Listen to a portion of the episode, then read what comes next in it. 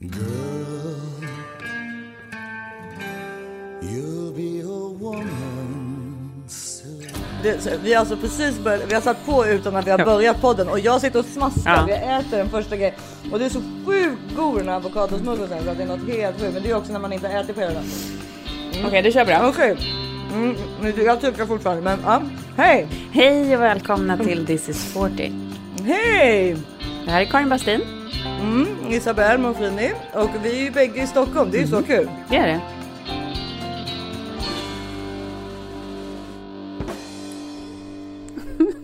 Du har en avokadosmörgås och jag smygdricker ett glas vin för jag har också varit Ja. så jävla stressad så jag bara var tvungen att snabbt hälla upp det. Så passade jag Men Du på, måste nästan berätta vad Henrik kallar dig för. Det är det roligaste jag har hört. tvungen att smyghälla upp det. För att igår sa Henrik till mig att jag var som en sån här fjällko så han kunde liksom identifiera var jag var någonstans på att det var ett klirrande ljud. För då är det jag som går runt i trädgården med ett glas vin med så här isbitar som klirrar. Ja, ja, då vet man att det har liksom gått långt i drickandet så att säga. Nej, men vi ska inte skämta om det. Vi ska inte skämta om det. Nej, men alltså jag menar, det har- har ju varit liksom alltså jetlag och en resa på den nivån som vi bägge har gjort. Det är ju liksom, det är ju ganska hardcore Mm. alltså. Och män som sagt, som, som vi tycker det då är liksom lite av det svagare könet, så de klarar ju inte riktigt det där. Nej, det gör de inte.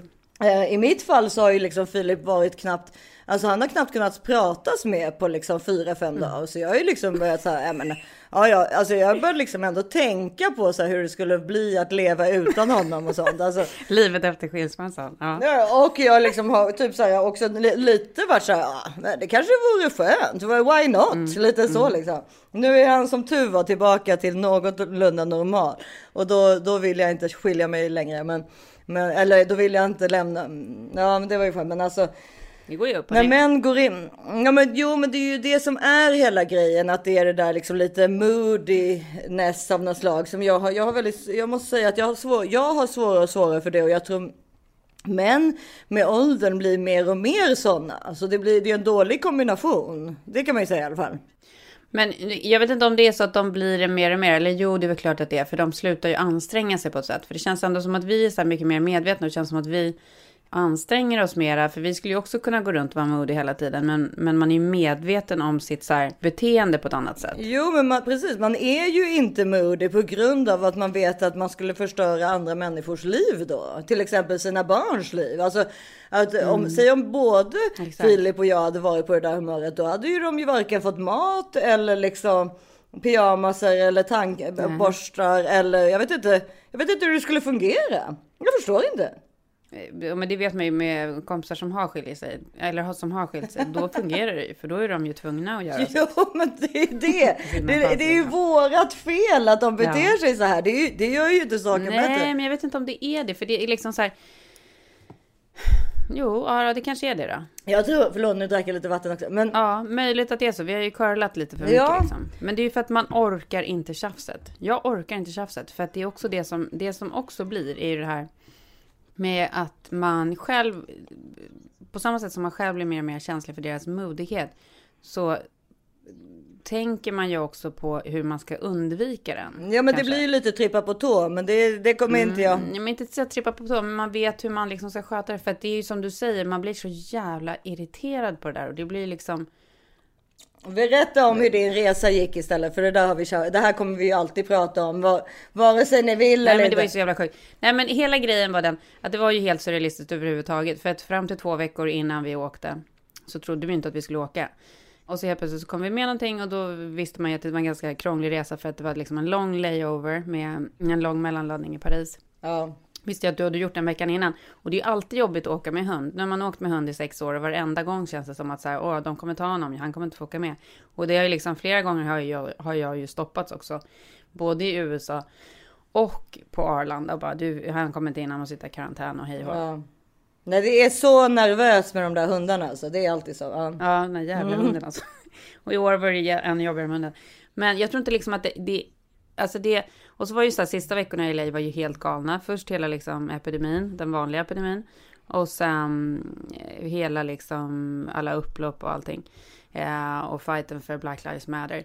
Så att det har ju liksom varit en surrealistisk upplevelse. Jag har liksom inte, han liksom aldrig riktigt reflektera över någonting. Och vi höll på med visningar av huset och renovering och da Så helt plötsligt satt man ju bara var på väg till flygplatsen. Ja. Och sen så slår det ju en när man kliver in på Los Angeles International Airport som är en jättestor liksom, flygplats där det brukar vara full rulle och det är knappt en människa. Det är liksom noll kö till incheckning. Så skönt ju.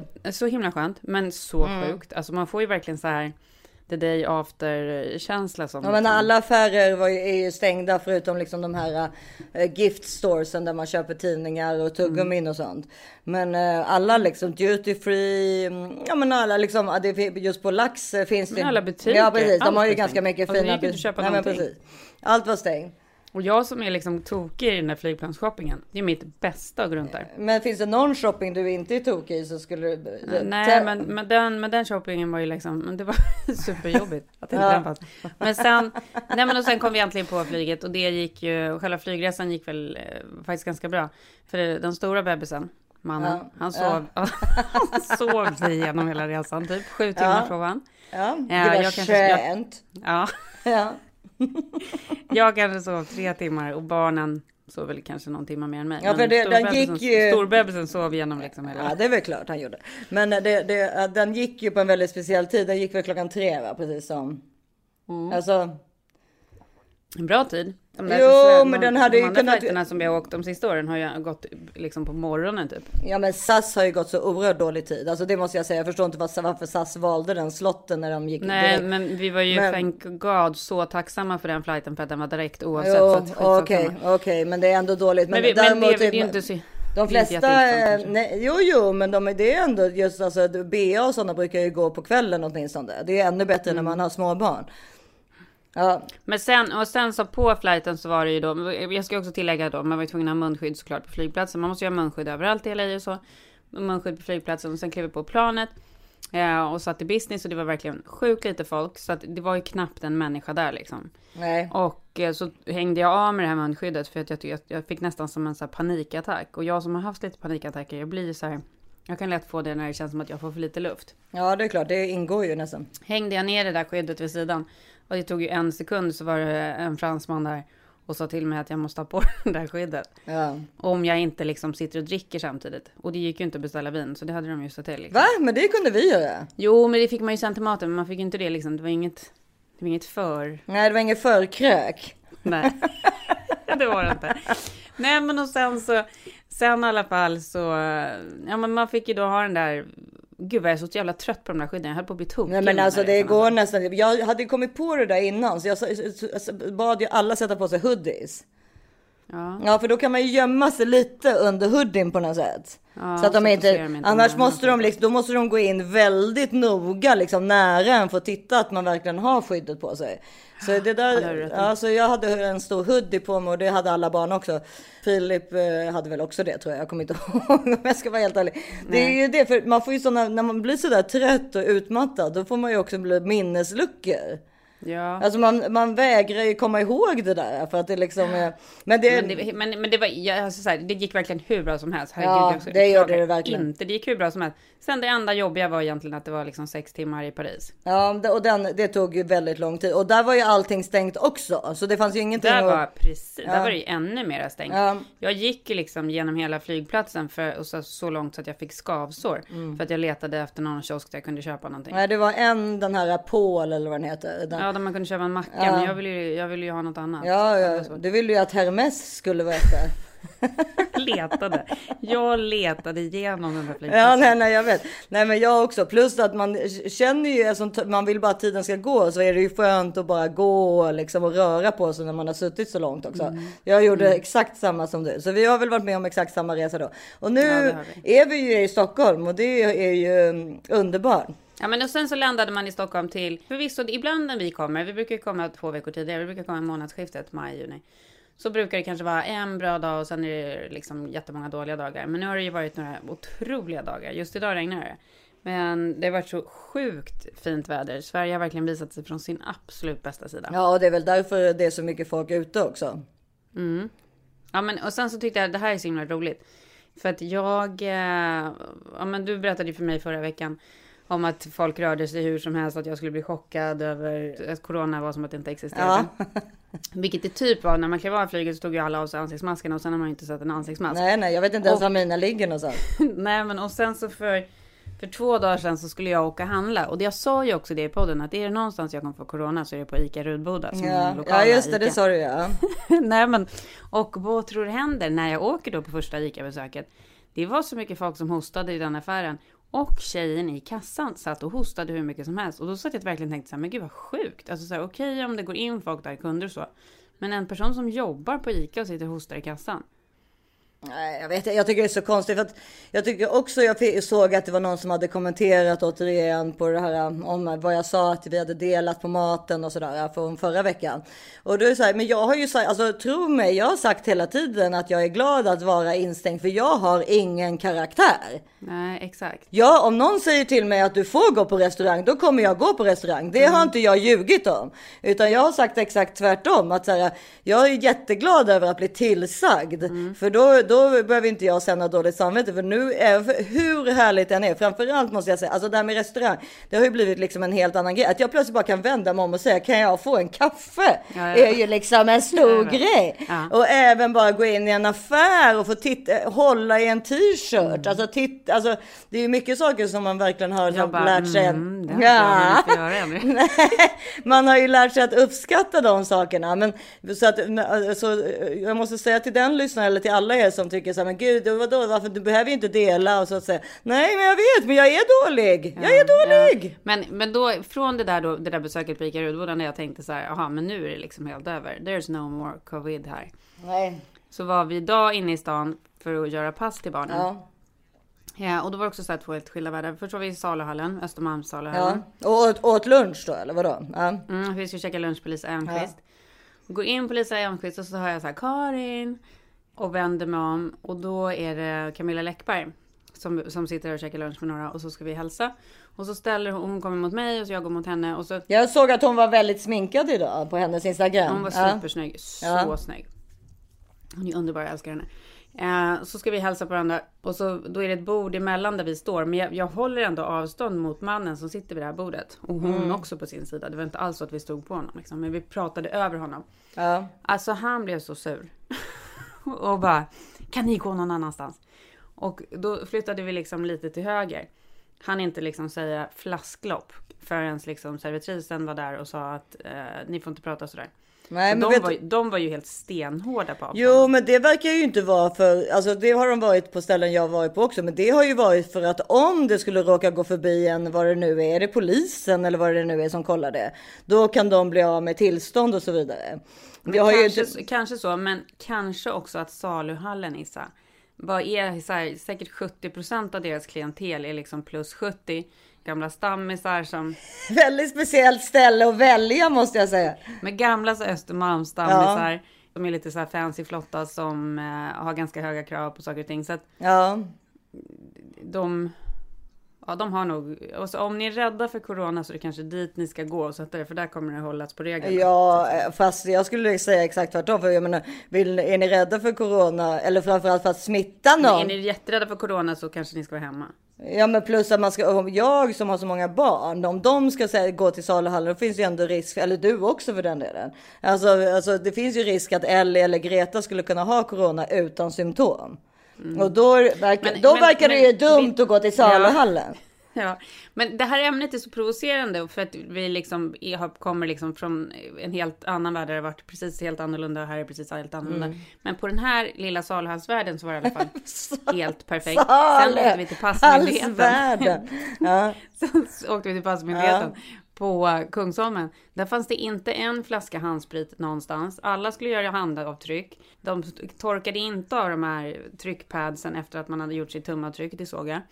Det var ingen så här handsprit utställt någonstans och eh, det är ju också liksom folk som så här desperata ska stå och göra pass mitt i sommaren. Ja, det är inte klokt. Vet du, vet du, för jag var ju på Skatteverket och skrev in oss igår. Mm. Och då frågade jag ju sig, har ni handsprit någonstans? Nej, vi hade det förr, men de blev tyvärr stulna. Ja, Okej, det är därför. Ja. För, jag, för både Henrik och jag bara, fan vad sjukt. Det är sån jävla ruljans på människor här. Här måste de ju ha handsprit. Eh, de måste ha blivit så här, Du vet, stulna. de har pennor som ligger framme med blanketter Ja, ja. och grejer. Så Ja, det är alla klart. Skriva med samma penna. Eh, och så ska alla stoppa sina så flottiga fingrar på de där fingeravtrycksgrejer. Så att, eh, Nej, på Ja. Skatteverket sa de att det var för att de hade blivit stulna, så vi får väl tro på det då. ja, det var säkert det där också. Men jag stod i alla fall där och det tog så Mm. Var det, för att, var det för att lilla Ellie skulle få ett nytt pass? Ja, men det, det, alltså det var så förbannat lång tid. Alltså jag höll på att bli galen. Vi höll alltså på i en och en halv timme. Och då var inte det någon kötid, utan det var liksom utan kötid. Det tycker inte jag är så lång tid. Det är väl vad, ungefär vad det tar om man har så många barn. Jag tyckte det tog sjukt lång tid.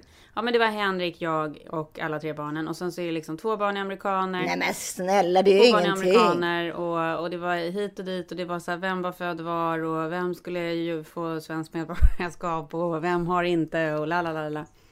Och så känner man sig så här, de här andra enstaka människorna som bara står så här irriterade över att man tar upp så mycket tid. Men det blir ju så med, med många barn. Man är ju världens gladaste av att man har alla de här underbara barnen. Ja, jo. inte när man ska göra pass, men annars ja.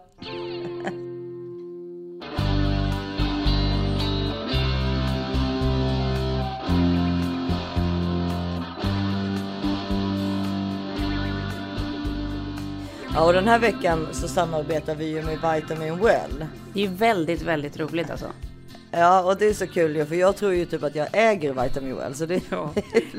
Ja, du har pratat om det väldigt mycket under alla år. Ja, jag vet inte hur nöjda de blir om de hör det, men Filip var ju liksom inblandad lite i att säga, ja, men berätta för ägaren att han tyckte att han skulle starta Vitamin Well. Ja. Så att vi har liksom varit med i liksom Vitamin Well-resan från, från början. Så det känns liksom som om vi är delaktiga i den här stora liksom företags imperiet Ja. nu liksom. Ja, då ska ni vara väldigt stolta för det är en otrolig produkt verkligen.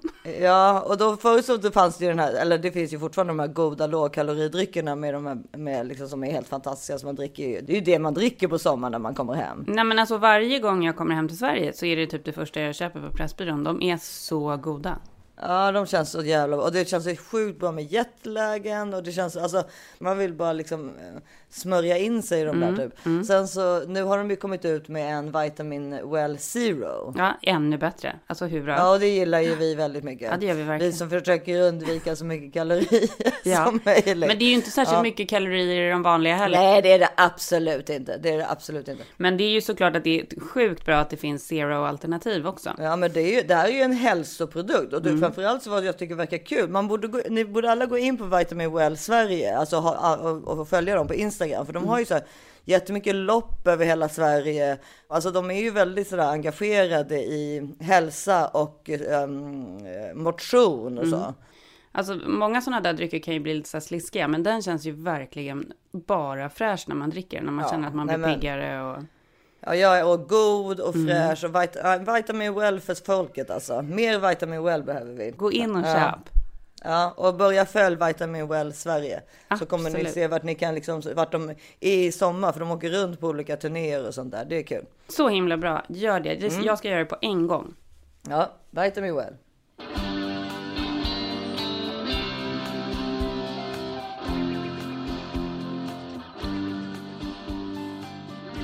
Men sen så är det så himla kul också med Harry och Cesar, för de är ju liksom... Alltså de är de gulligaste barnvakterna till Ellie. Ja, det är väldigt gulligt. De är väldigt gulliga killar. Alltså drömmen och för henne att vara liksom en liten sladdis med de här brorsorna. Och hon kan både vara liksom världens gulligaste mot dem och världens elakaste och de bara liksom köper alltihopa. Ja, men det är ju lite så som Ellie är. Alltså hon, ja. Ja, hon är så här, I'm gonna punch you. men hon vet Och ju så- också att hon får bete sig exakt hur Ja. som helst. För att de där lilla små sladdisarna får ju alltid det. Det är ju så. Mm. Det är inte bara ditt fel, utan det, Nej, det är det är kulturen. Ja, nej men det är kulturen. Men vi ska väl prata lite om det. Alltså gud, Ellie var ju verkligen sjukt efterlängtad. Mm. Men sjukt osjälvklart att det skulle bli någonting. Men det var det ju med, med, med, med Harry också. Och Caesar också. Men här, både Harry och Caesar åt du hormoner med, Ja. så var det väl, eller? Jag tror att vi försökte i typ tre år kanske innan Harry kom. Ja. Vilket är så himla sjukt för då från början när man börjar skaffa barn och sådär. Eller när man börjar försöka skaffa barn. Så tar man ju det så otroligt för givet. Eller vi gjorde ju i alla fall det på våran tid. Det kanske inte unga tjejer idag gör faktiskt. Folk kanske fattar lite mer.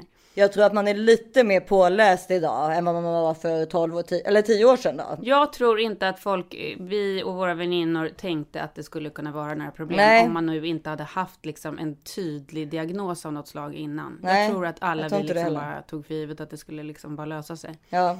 Och man vet ju att man var inte ensam om att liksom försöka länge. Nej, jag gjorde ju också det, men liksom, vi fick ju nästan barn samtidigt. Men jag tror inte vi hade försökt lika länge som er innan. Nej, jag hade försökt Men ja. längre. Mm. Men och då, jag kommer ju verkligen ihåg att eh, det var som en sån chock när man liksom började läsa så statistiken också. Som jag faktiskt bara läste på här igår. Man vet ju det att redan, liksom, redan runt 30 blir man mindre fertil. Vi började ju när jag var 27 tror jag. Var du så ung alltså? Det är ju helt sjukt. Ja. 27 eller 28. Men redan runt 30 blir man liksom mindre fertil. Man är som mest fertil mellan 18 och 25. Det vilket passade jättebra på förr i tiden då när folk blev liksom med barn unga. Att, ja, men precis. Ja, och jag, jag följer ju då den här fertilitetsläkaren Kelly Beck som är ganska framgångsrik i USA. Som är hon som jag höll på med. Vi kan komma till det sen. Hon hade gjort något inlägg här häromdagen på sin Instagram. Där det stod så här att vid 35 års åldern så är ungefär 50% av de ägg kvinnorna har vid god kvalitet. Och vid 40, alltså bara fem år senare, så är det alltså bara 10% som är bra. Och problemet liksom, jag vet inte, man kan, man kan kanske inte säga problemet. Det är ju liksom ändrade tider där kvinnor gör mera karriärer. Där man stressar mera. Det är liksom massa olika faktorer som så bidrar till att man senare lägger familjeplanering. Ja, så är det ju verkligen. Eller att man liksom stressar väldigt mycket och stress är typ en av de så här värsta faktorerna också när man ska skaffa barn. Och massa andra liksom olika problem. Jag tycker det är skitbra att vi pratar lite om, om, om just att skaffa barn och eh, IVF och alltihopa som liksom ligger, har, har kring det här att göra. För jag tycker, för, mig är det så här, det är en av mina största befrielser.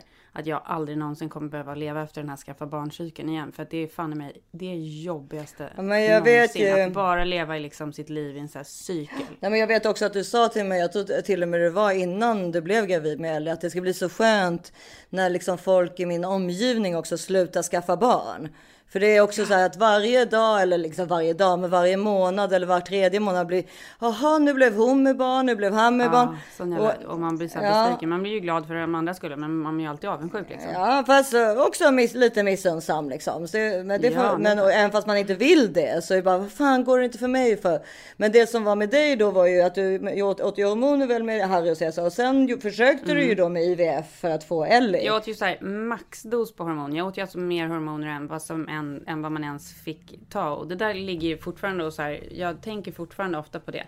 Om det kommer bidra till någonting hemskt i framtiden. Det kan det ju Ja, men- göra. För det är ju så här cancerframkallande och så. Annars hade du ju tänkt på något annat. Så det, det är ju, alltså, Ja men alltså oavsett så kommer det ju alltid vara värt det. För att annars hade inte jag haft dem. ja men exakt. Då, då hade du kunnat få cancer utav det så att säga. Alltså, Ja, men det är jag ju också så himla, jag är så sjukt, av de här resorna jag har haft så är jag så himla tacksam för mina erfarenheter. Först och främst för att det är just de här tre barnen jag har fått. De hade inte jag fått annars Nej. om det bara hade gått liksom raka rör.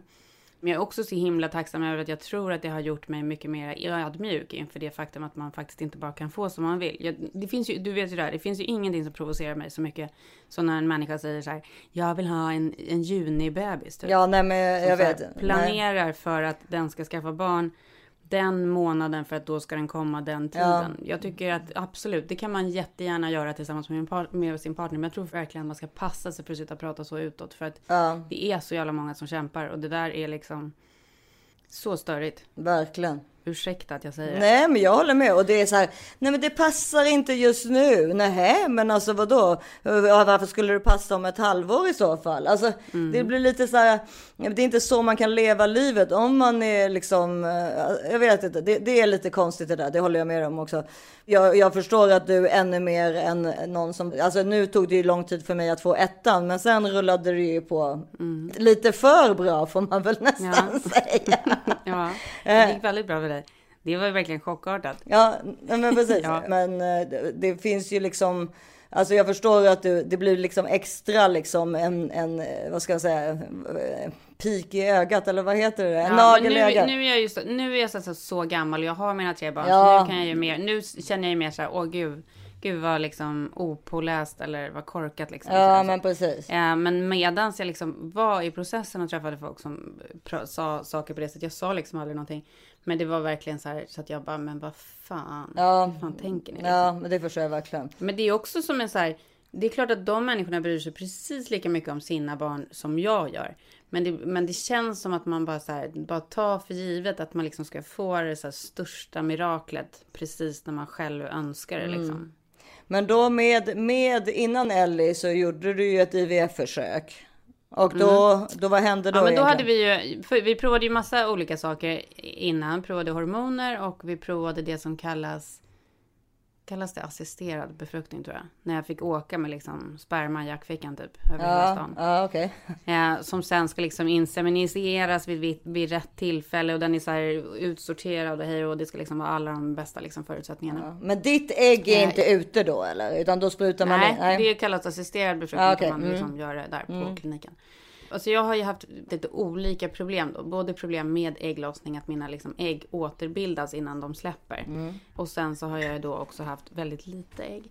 Nu kommer Ellie. Du vara Ja, fast du måste det, vet du det? Orkar inte vara nere? Kan du ligga där inne i mammas rum då så kommer jag till dig alldeles strax. Orkar inte vara nere? Men vet Orkar du? inte vara Okej, då får du ligga där på sängen med hörlurar på, inte prata, okej? Lovar du att vara tyst då? Och. Nej, Buster ska inte komma också. Stäng dörren.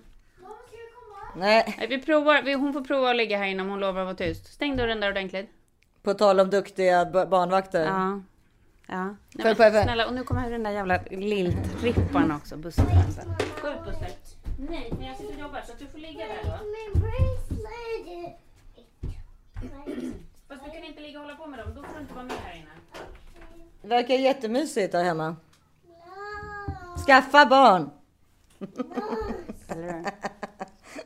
Lägg dig i sängen där då, Ja, Det är stuglivet. Åh, men herregud alltså. Jag är ju instängd på ett äh, eget hotellrum så jag har det jätteskönt just nu.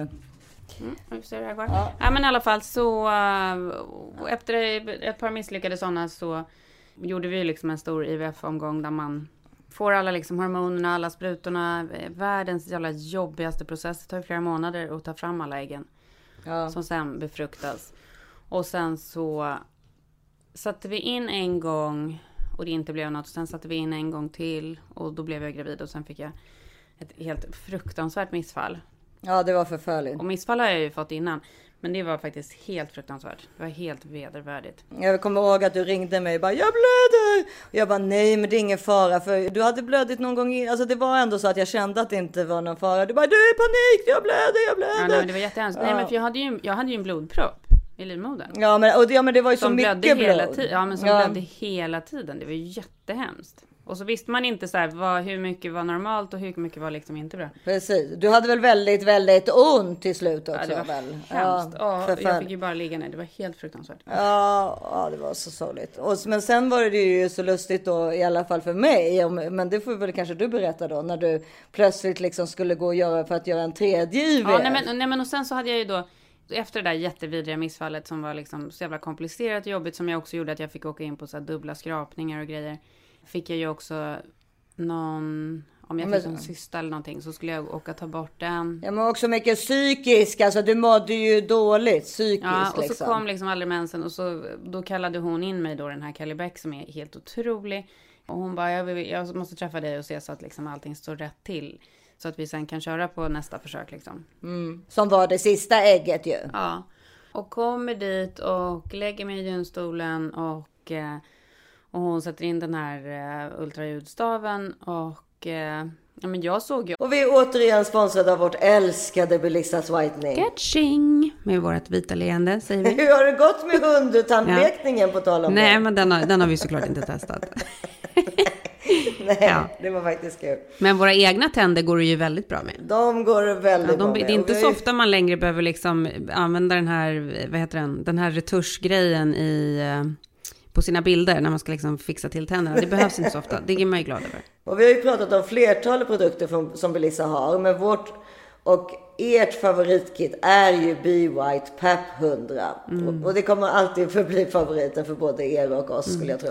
Ja, för det, det är så otroligt enkelt. Jag brukar ju köra på den direkt när jag ändå står i badrummet och håller på och fixar ordning mig. Eh, direkt efter ett bad. Du kanske ska göra det nu ikväll efter ditt bad? Jag brukar göra det i badkaret och jag kommer göra det idag i badkaret. Ja, superenkelt. Alltså det är så enkelt. Det är så enkelt och gällen innehåller mer än tre gånger så mycket av det effektiva ämnet helt utan väteperoxid för att garantera att man får ännu bättre resultat. Och så är det de här helt nya skenorna som man inte behöver forma efter tänderna utan det är bara att koppla på skenan direkt på lampan. Det är så smidigt. Ja, inte klokt alltså. Ja, och nu är det så att inte nog med allt det här som är så otroligt bra för utan det är också eh, otroligt bra rabatt som Belissas har gett till oss. Man får alltså 50% rabatt och fri frakt för just Be White PAP 100 med koden THISIS40. Mm. Sen, och sen så tycker jag bara så här, bara den grejen att de erbjuder nöjd kundgaranti, alltså är man inte nöjd får man pengarna tillbaka. Bara det i sig är ju ett hundraprocentigt bevis på att det här kommer göra er nöjda, för de skulle inte kunna sitta och ha den garantin annars. Nej, det är nej, otroligt nej, faktiskt. Och rekommendationen, det här ska vi inte glömma, är att bleka tänderna en gång dagligen i upp till tio dagar för maximal effekt. Mm. Men redan efter första behandlingen så kommer man se stor skillnad på tänderna. Ja, det gör man verkligen. Så det är bara att gå in på belissas.com och eh, klicka hem det här fantastiska erbjudandet. Koden var alltså this is 40 så får ni 50% rabatt och fri frakt. Perfekt. Tack Belissas. Tack Belissas. Också så här på bilden liksom. Ja. Jag, tyckte, jag såg liksom ingenting. Eh, och hon bara,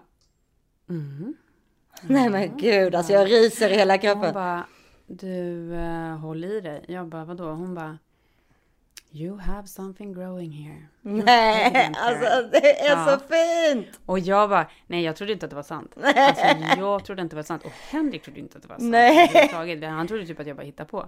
Alltså att jag hade blivit galen. Ja, exakt. Du har, precis, det finns ju En filmer om sånt. skengraviditet. Ja, liksom. men precis. Ja.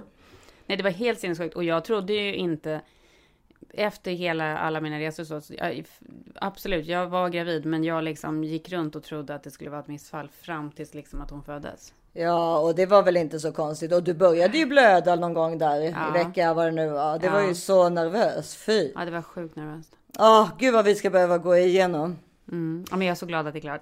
Ja, Och exakt. Så, också så värt det. Men nu måste vi prata om, för du är ju, vad blir det, moster till en IVF-bebis. Ja, exakt. Men min syster Han har är ju... ingen bebis längre. Nej, ja, precis. Han fyller ju sex.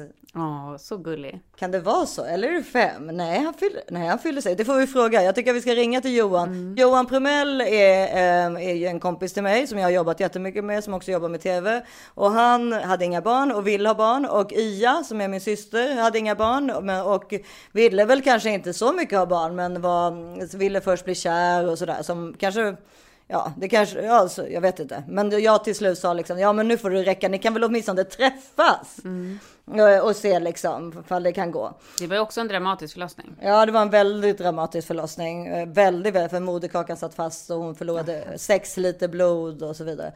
Eh, Låg, min syster låg på intensiven i mm, 38 timmar. Det är väldigt lång tid att ligga på intensiven. Och även Valentino låg ju på neonatalen i Ja, var det tio dagar eller så. Men eh, jag har tänkt om man kanske, vi kanske ska ringa Johan för det kan vara roligt att höra från ett killperspektiv vad han säger om saken. Hej! Eh, det är Issa. Jag sätter på Facetime så att vi ser varandra. Vänta. Hej! Vi satt här och pratade om Karins olika IVF-resor och så vidare. Och så pratade vi lite då om att eh, jag kommer inte riktigt ihåg hur det var, hur det blev liksom att ni två överhuvudtaget träffades från första början. Du och Men Ian. det var ju du som träffade. Alltså det var jag som sa, det var jag. Ja, 100%. Nej, men så här var det. Eh, egentligen är det ganska kul, för det är ju egentligen tack vare Karin och dig som det överhuvudtaget finns ett barn som tycker att Uppsala är lite så trevligt. Ja. Jag var ju aldrig särskilt barnförtjust tills vi jobbade ihop och vad är det? Heter han Cesar? Eller lilla Ja, Cesar heter Karins mittenbarn ja. Han trivdes väldigt med mig och satt ju alltid i mitt knä och det väcktes verkligen så här typ av barnlust där. Ja, Och sen så sa ju du liksom, men varför skaffade du inte barn med min syrra? Och jag sa, är du, are you out of your mind? Och sen sa du samma till Ia. Ja. Sa typ samma sak tror jag. Ja, exakt. Sen tjatade du simultant på oss i typ ett år. Och sen träffades vi på Pietti som inte finns längre, över ett glas vin, på världens absolut stelaste möte. Ja, det brukar vara så. Hur känner du inför barn och så? Eh, så- Totala främlingar drack ett glas vin och pratade barn. Ja, Sen gick vi på eh, vad vi tyckte var en konsultation på Sofiahemmet. ja, Och då eh, var den här doktor Gottlieb och så sa vi typ efter att berättade hur allt gick till. Han frågade hur länge vi har försökt. Vi sa ett år, typ. ja, Så sa vi tack för, tack för besöket, typ. Och han bara, vi, vi får se hur vi gör. Han bara, då sa han, vänta lite nu, du är 42, ni har ingen tid att vänta.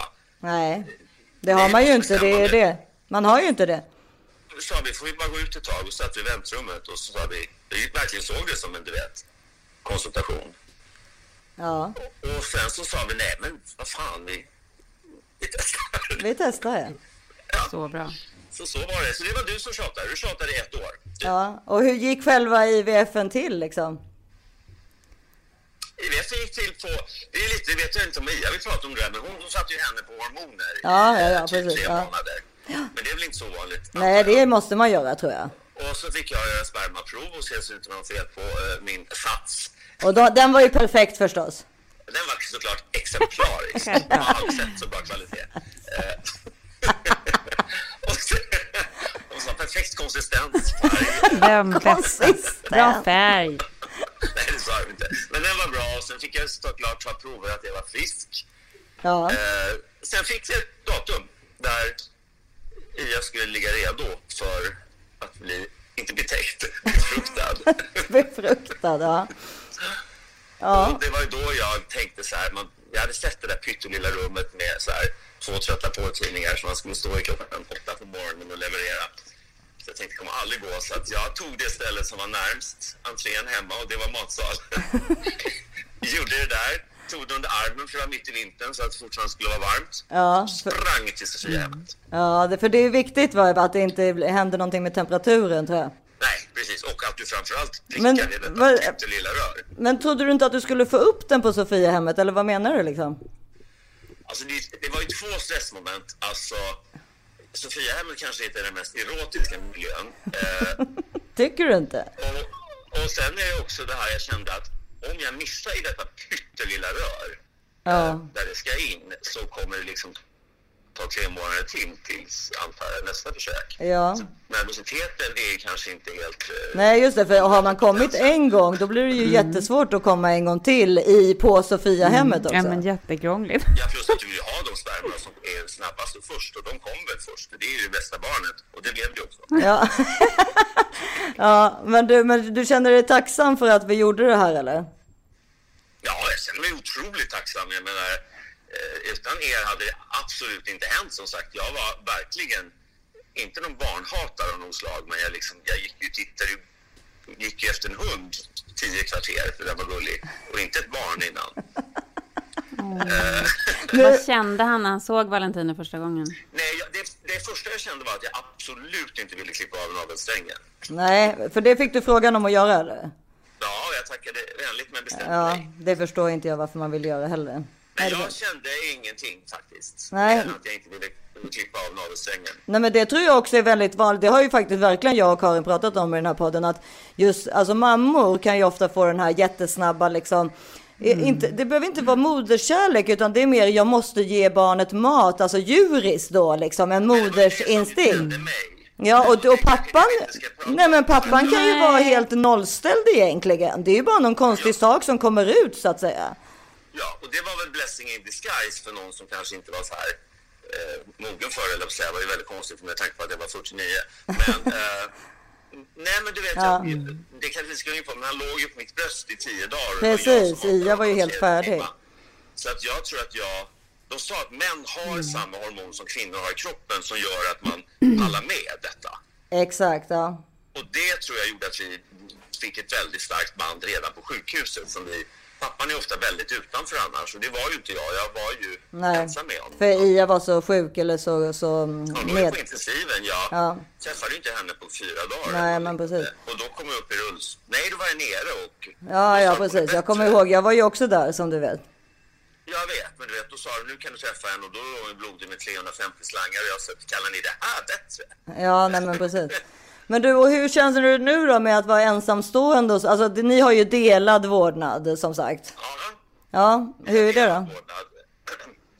Ja, alltså det, jag skäms inte att säga för att jag är exakt lika glad som när jag lämnar honom som när jag får honom tillbaka. Ja, Eh, och jag tycker att det är... Jag menar, det är ju rätt unikt att vi skaffar barn på det här sättet. Vi kände ju verkligen inte varandra. Vi kände varandra genom dig. Och jag menar, ju för att du och jag känt varandra otroligt länge och jag känner till din familj, men inte henne. Men det gör ju också att vi aldrig blivit någon så konstruerad typ av familj. Så att, jag ska inte säga att livet fortsätter som innan varannan vecka, men jag, jag, jag tycker fortfarande det är väldigt skönt att lämna honom. Jag älskar när han kommer. Det är precis samma känsla. Ja. Och jag vet ju att han har det bra, så att eh, det låter lite klichéartat, men och så hur är det att vara, hur är det att vara liksom eh, gay? Alltså, jag har nämligen tänkt på en, nej nej men det är fel fråga, det är fel fråga, vänta jag har, jag har nämligen tänkt att en rolig tv-idé skulle vara, för det finns ju så många liksom um, gaykillar nu för tiden som skaffar barn, typ Anderson Cooper, Andrew Cohen och hela det här gänget i USA framförallt då.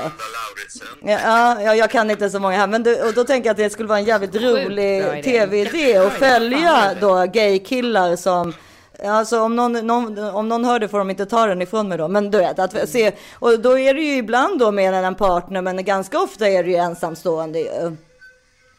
Ja, alltså jag har ju levt i både relation och singel med honom, men jag har alltid varit en ensamstående förälder, även om jag har varit i en relation. Ja, ja men precis. Men har ni, ni det, så långt har ni inte kommit med Valentino? Har han förstått liksom sådana delar eller? Och med att jag, han bodde ju med en man upp till han var liksom fyra år, så det var ju liksom pappa och Klas och han. Så att, Ja. Jag vet inte riktigt, han, han pratade liksom aldrig om oss som kärlekspar direkt och han var inte heller någon papparoll till Nej. honom.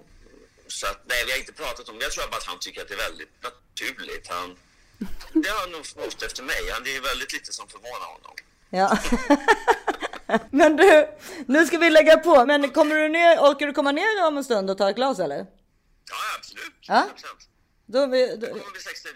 Jag tar med Valentino för annars måste jag låsa ja men kom kvart över sex tror jag. För, ja, s- jo kom kvart över sex är bättre. Funkar det? För jag vet att du alltid är i tid nämligen. Ja, de, det. Okej. Sex. Puss puss! Puss och kram från Ja, Karin. hej då! Hej! Puss, hej. Hej, hej. Ja, där var den historien. Det är alltid roligt att höra ett killperspektiv liksom tycker jag Vänta, också. ja men så jävla Det- bra. Vänta, eller bara- Eli, du måste ligga där på sängen nu om du ska vara här inne, för det låter jättemycket. Mm, gå och lägg dig där. Han, var, han, det är väl såklart att det inte är oväntat att en singelman skaffar barn. Men han var eh, på något sätt så här oväntad. Och jag tycker... Ja, det var ju väldigt Nej men kul. och att det är jättekul Det att var han tar upp faktiskt- det där med Caesar. För jag, alltså, han var ju så jävla gullig med Caesar så att det var helt overkligt under den här Hollywoodfru-produktionen. Kommer du ihåg det när Caesar hade den här kanindockan som han hade alltid med sig? Caesar älskade honom. Gud ja. Ja, ja, ja. Men det där är ju så roligt för ofta så vet man ju inte om själv riktigt innan man har barn, fall man är en barnmänniska eller inte. När jag var ung så trodde inte jag att jag skulle ha barn. Oh my god. Never ever. Inte jag heller. Jag har aldrig drömt om varken, alltså du vet det finns ju verkligen tjejer som är såna här som drömmer om deras bröllopsdag och hur många barn de ska ha och så vidare.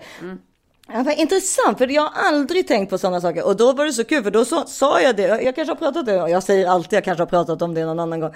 Men att då sa jag ju det till mina, Det är lika bra att alltid säga det före vad man än säger. För man vet ju att man har en förmåga att inte komma ihåg någonting. Ja men då sa jag det till mina syskon ju. Och då sa de så här, jag förstår inte, alltså de här fyra som kom när jag, från att jag var 18. Och då sa de, jag förstår inte vad du menar, du var ju den som lärde ut oss allt. Du var ju den enda som var med oss. Så då måste jag ju varit intresserad av barn, fast jag inte visste det. Jag tänkte inte på att jag var det. Jag förstår Jag kommer inte. ihåg att småbarn drogs till mig men att jag tyckte att, att jag tyckte att jag spelade för gallerierna. Jag låtsades att jag liksom tyckte att, att de var charmiga men jag tyckte de var så jobbigt. Så känner jag också. Jag, ty- Typ obehagligt. jag, ty- jag tycker ju typ att barn är jobbiga. Alltså, alltså de som jag inte känner liksom. Jag har faktiskt ett par bekanta som också faktiskt har liksom valt att inte skaffa barn och har jättebra liv och tycker inte att det är något problem. Men kanske ett av de största problemen för dem är dock att andra människor hela tiden ska lägga på dem att det är synd om dem för att de inte ville ha barn. Men så kan det egentligen inte Nej. vara. Typ så. Men så kan man inte göra för att det är så, det är så olika världar för olika människor. Alltså man har liksom sin absolut egna grej i huvudet. Alltså det är så jävla sjukt när man tänker på vilken Ja. jävla cirkus det Ja, egentligen men verkligen. är. När alla har sin egna. Ja men alltså det där, det, jag ska bli bättre på det. Alltså, jag säger inte att jag frågar var och varannan människa det, men jag vet att jag har. Men det här Men är man ju rädd för. Vet du, det här är man ju rädd för när, man ska, när våra barn ska bli så stora. De ska skaffa flickvänner eller pojkvänner. Och så ska man stå där och vänta. Det ska Ja, ja, jag ja, då precis. aldrig göra. Alltså på riktigt. Jag kommer Ja. aldrig i hela mitt liv fråga. Nej men frå, fråga flickvännen eller pojkvännen när det, när det, nej. Never nej, ever kommer jag säga nej, någonting. Nej. Ja, det, det, det, det, jag kan säga att det kan inte jag lova. Det kommer förmodligen jag råka göra.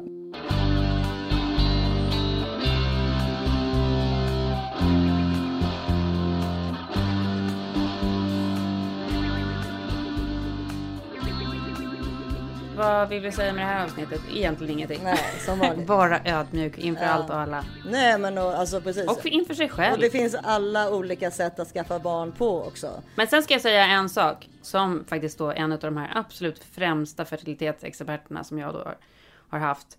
Hon är ju sjukt stor i Kalifornien. Kalifornien är för övrigt på, alltså det är ju folk som åker från hela världen för att göra IVF i, i Kalifornien för att de ligger så otroligt före där. Ja, men precis. kan ligga liksom ett decennium före vissa länder och vissa till och med i stater, alltså de kan ligga liksom tio år före vissa stater i USA. Såklart för det är så sjukt i olika stater. Mm. Men folk reser från hela världen och den här kliniken är otrolig och hon är så otroligt härlig. Hon har ju själv eh, gjort tre IVFer så att hon vet ju, har varit på andra sidan så att säga. Men gud vad skönt. Ja. Det är ju också underbart. Alltså hon vet vad man går igenom. Men hon vet exakt. Men det jag skulle säga var, det här är ju så tråkigt att säga det. Vi som vill vara så frisläppta så. Men hon säger ju liksom att en av de absolut värsta grejerna man kan göra. Och liksom även om man redan, även om man har slutat så har det ändå varit en av de värsta sakerna. Det är ju rökningen. Ja. Nej men det, det, det. Jag rökte ju riktigt mycket Ja också. men du har ju slutat. Det var ju väldigt duktigt. Ja, men jag slutade ju långt innan IVFN också. Jag slutade ju såklart när jag försökte. Men jag, då hade jag ändå, alltså du vet, vi började ju röka när vi gick i högstadiet. Ja ja ja. Gud. Herregud. Då hade jag ju liksom, alltså hunnit röka. Ja, vi ska inte dra igång det här med huvudräkningen igen, men vi pratar ju om liksom lång, långt rökande innan jag, innan jag skulle försöka skaffa barn. Ja. Jättedåligt. Nej men rökning ska vara det sämsta ja. Ja, Jag bara hoppas att så här, ens barn inte blir de där rökargenerationerna. Nej men det tror jag inte de blir. Ja i och för sig. Nej nu ljuger jag. Jag tror att det är ganska mycket rökning bland ungdomar igen. Jag tror att den generationen som har Nej, skaffat de håller inte på med cigaretter utan de håller på med de där andra, jul och, Ja men vape ja. Men det spelar ingen roll. Det är ju same. Ja, men jag vet inte om det är samma sak faktiskt. Jo men allt du stoppar in i dina, andas in i dina lungor. Alltså jul och vape Ja. är ju jättefarligt för lungorna. Men jag tror att på något sätt så tror jag att eh, de där cigaretterna som vi höll på med Mm. var kanske ännu värre. Ja kanske. Just för de här sakerna. Ja kanske. Alltså det finns ju liksom så sjukt mycket bra behandlingar också. Jag måste eh, tipsa om lite bra behandlingar som jag tycker hjälpte jättemycket. Ja. Som förmodligen är liksom en av anledningarna till att jag också till slut blev gravid. Såklart att jag redan hade blivit gravid fick missfallet. För då har man liksom satt igång grejer i kroppen. Det gör att det blir lättare att bli gravid. Ja så är det ju. Men också intensiv eh, akupunkturbehandling. Det finns ju också eh, jättemycket fakta bakom att det liksom att det hjälper. Mm. Olika tillskott som man ska ta. Men eh, jag är ju ingen doktor så jag kan inte sitta och säga någonting. Men hon sa till mig att D-vitamin var jätteviktigt och då var det väldigt så här, höga doser av D-vitamin. Ja just Och det. jag, äter ju, jag tar ju fortfarande jättehöga doser av D-vitamin och mår ju mycket bättre än vad jag gjorde förr i tiden liksom. Det ska man ju göra. Det pratar, alltså, Mm. D-vitamin ska och framförallt folk i Sverige. Alltså, nu, jag vill inte slå folk på fingrarna heller, men alltså, det ska man ju aldrig göra. Men däremot så har jag förstått att D-vitamin är verkligen viktigt. Mm. Och du kan nästan aldrig överdosera D-vitamin. Ja, men det, jag har ju pratat om det här i, veckans bläck också och pratat så otroligt mycket om D-vitamin att jag tar det och att jag tar väldigt höga doser. Ja, och så har jag ju fått tillbaka en massa kritik från svenska hälsokostmänniskor. Ja, är det ja, som har sagt att det, att det kan bli för mycket för levern. Ja, ja. Men jag tror att det krävs väldigt mycket för att det ska bli för mycket för levern. Ja, okej. Men som sagt, jag är ju ingen läkare, men jag tror att så här, lite D-vitamin eh, tillskott är nog bara bra för de flesta. Ja, Inte röka vet vi är bra för de flesta. ja, det vet vi verkligen. Ja men det finns ju liksom hundra olika saker. Det är också jobbigt. För när man väl är i det där och man ska liksom försöka leva sitt så ordentliga liv utefter det där och man ska dricka så lite alkohol och bara, bara. Ibland kan man ju också må bra av ett glas vin liksom. du, jag tror definitivt om man försöker bli med barn att det kan vara bra att bli lite full till och med. För att jag kan känna liksom att alltså då, det känns lite som om då slappnar liksom hela skiten av på något sätt. Ja.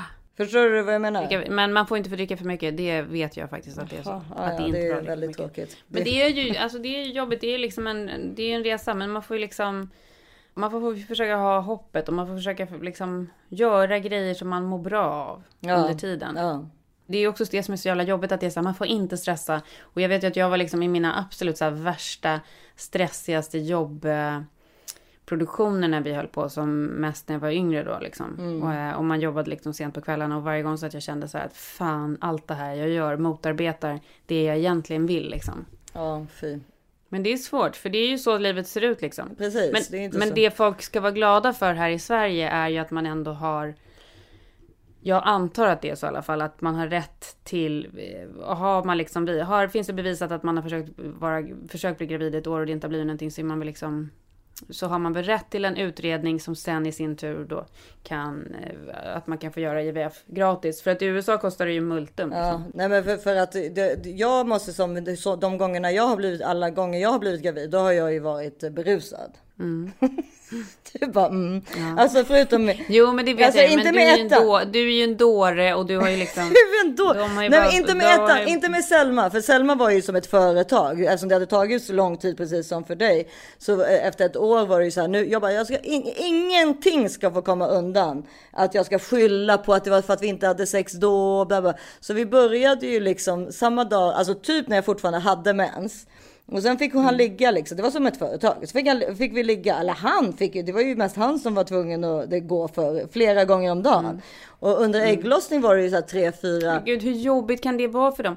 Det är det Ja. där jobbiga de får göra, att de måste gå Ja men och göra den. Men det var så. Och sen under ägglossning fick han hålla på liksom tre, ja, eller fyra, fem gånger kanske. Och sen slutade jag liksom inte förrän, tjata på honom förrän kanske du vet när det var, var så här, dag 21 eller sådär. Och mycket riktigt, eh, Selma kom ju så att jag menar, så att det, hjälpte Ja, men nu i efterhand, är det här en månad han minns tillbaka? Ja, nej men vi skrattar minns ju åt tillbaka till som dröm. Nej, han, nej liksom ja, exakt. Han borde ju sett det som en drömmånad. Han hade älskat att få ligga så, Ja. länge, så ofta nu. Men, Ja. men, men då var det ju liksom bara företag. Det var bara nu måste det bli gjort. Mm. Och då gick det ju. Men det hade, då hade vi hållit på också typ, typ i ett år. Det var liksom precis då som man förmodligen skulle ha gått till läkaren. Liksom. Mm. Men då är det också så här, ja då funkade den lösningen för er där och då. Ja, ja, nej, men det- Det beror ju liksom helt på vad du har för olika Ja men det är väl liksom... klart. Men sen vad jag menar med att jag har varit berusad har ju varit med att ja, alltså jag, jag ska inte säga det. Nej, faktum var att det- jag ljuger också. Jag försöker typ spela tuff. Mm. Oggy var lite samma sak. För Oggy, då var vi i Sydafrika och det, han blev ju till på min födelsedag tror jag. Och då skulle ju Filip jobba, var Filip uppe på inspelning. Det var därför vi var där. Och jättetidigt på morgonen, jag tvingade honom liksom då att ligga med mig flera gånger per dag. Eller på, innan han gick på inspelningen. Så han var ju helt knäckt redan innan han kom till inspelningen.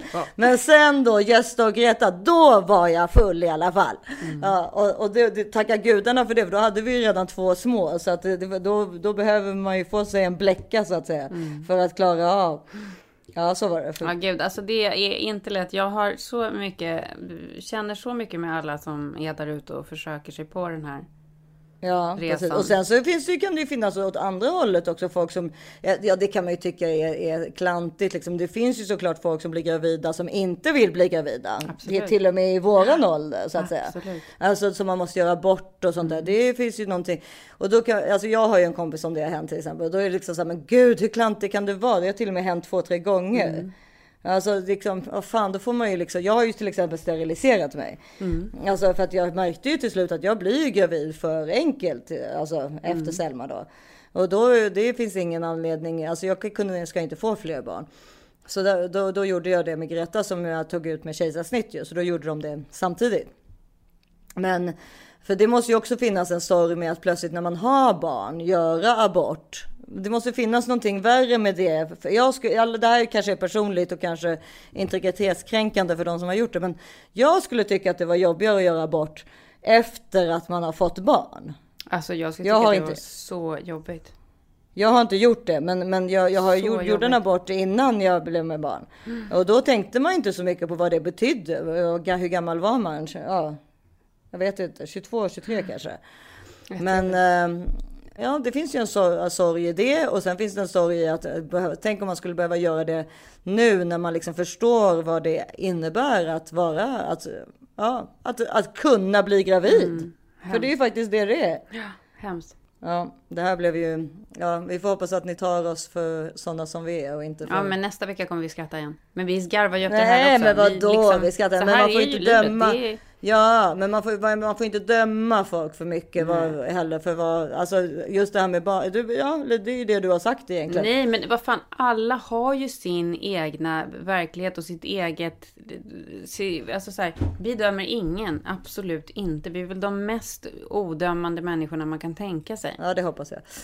Men eh, nu måste vi lägga på för att nu kommer Johan och tar ett glas champagne med Ja. mig. Så mysigt. Och jag vill Valentino. också hänga med er. Gud, så Ja, härligt. nej men det ska bli lugnt. Jag, jag måste sova. Jag är helt slut. Det har varit så mycket grejer med inskrivningar och allting. Men Tills ni hör oss igen nästa vecka hittar ni oss på Instagram som This is 40 podd 40 podd. oh, det lyckades! Ja, ja, och jag heter Isabelle Manfrini. Och jag heter Karin Bastin och bloggar på The Way We Play. Ja, Ja, puss puss. Puss, puss. Vi hörs igen nästa vecka. hej då! Hej. I ditt hus finns en bild på en man vid ett hav. Han leker som en pojke nyss sju. Av hans rygg kan man läsa det är din far. I ditt hus finns ett oinrett rum, ett lugn.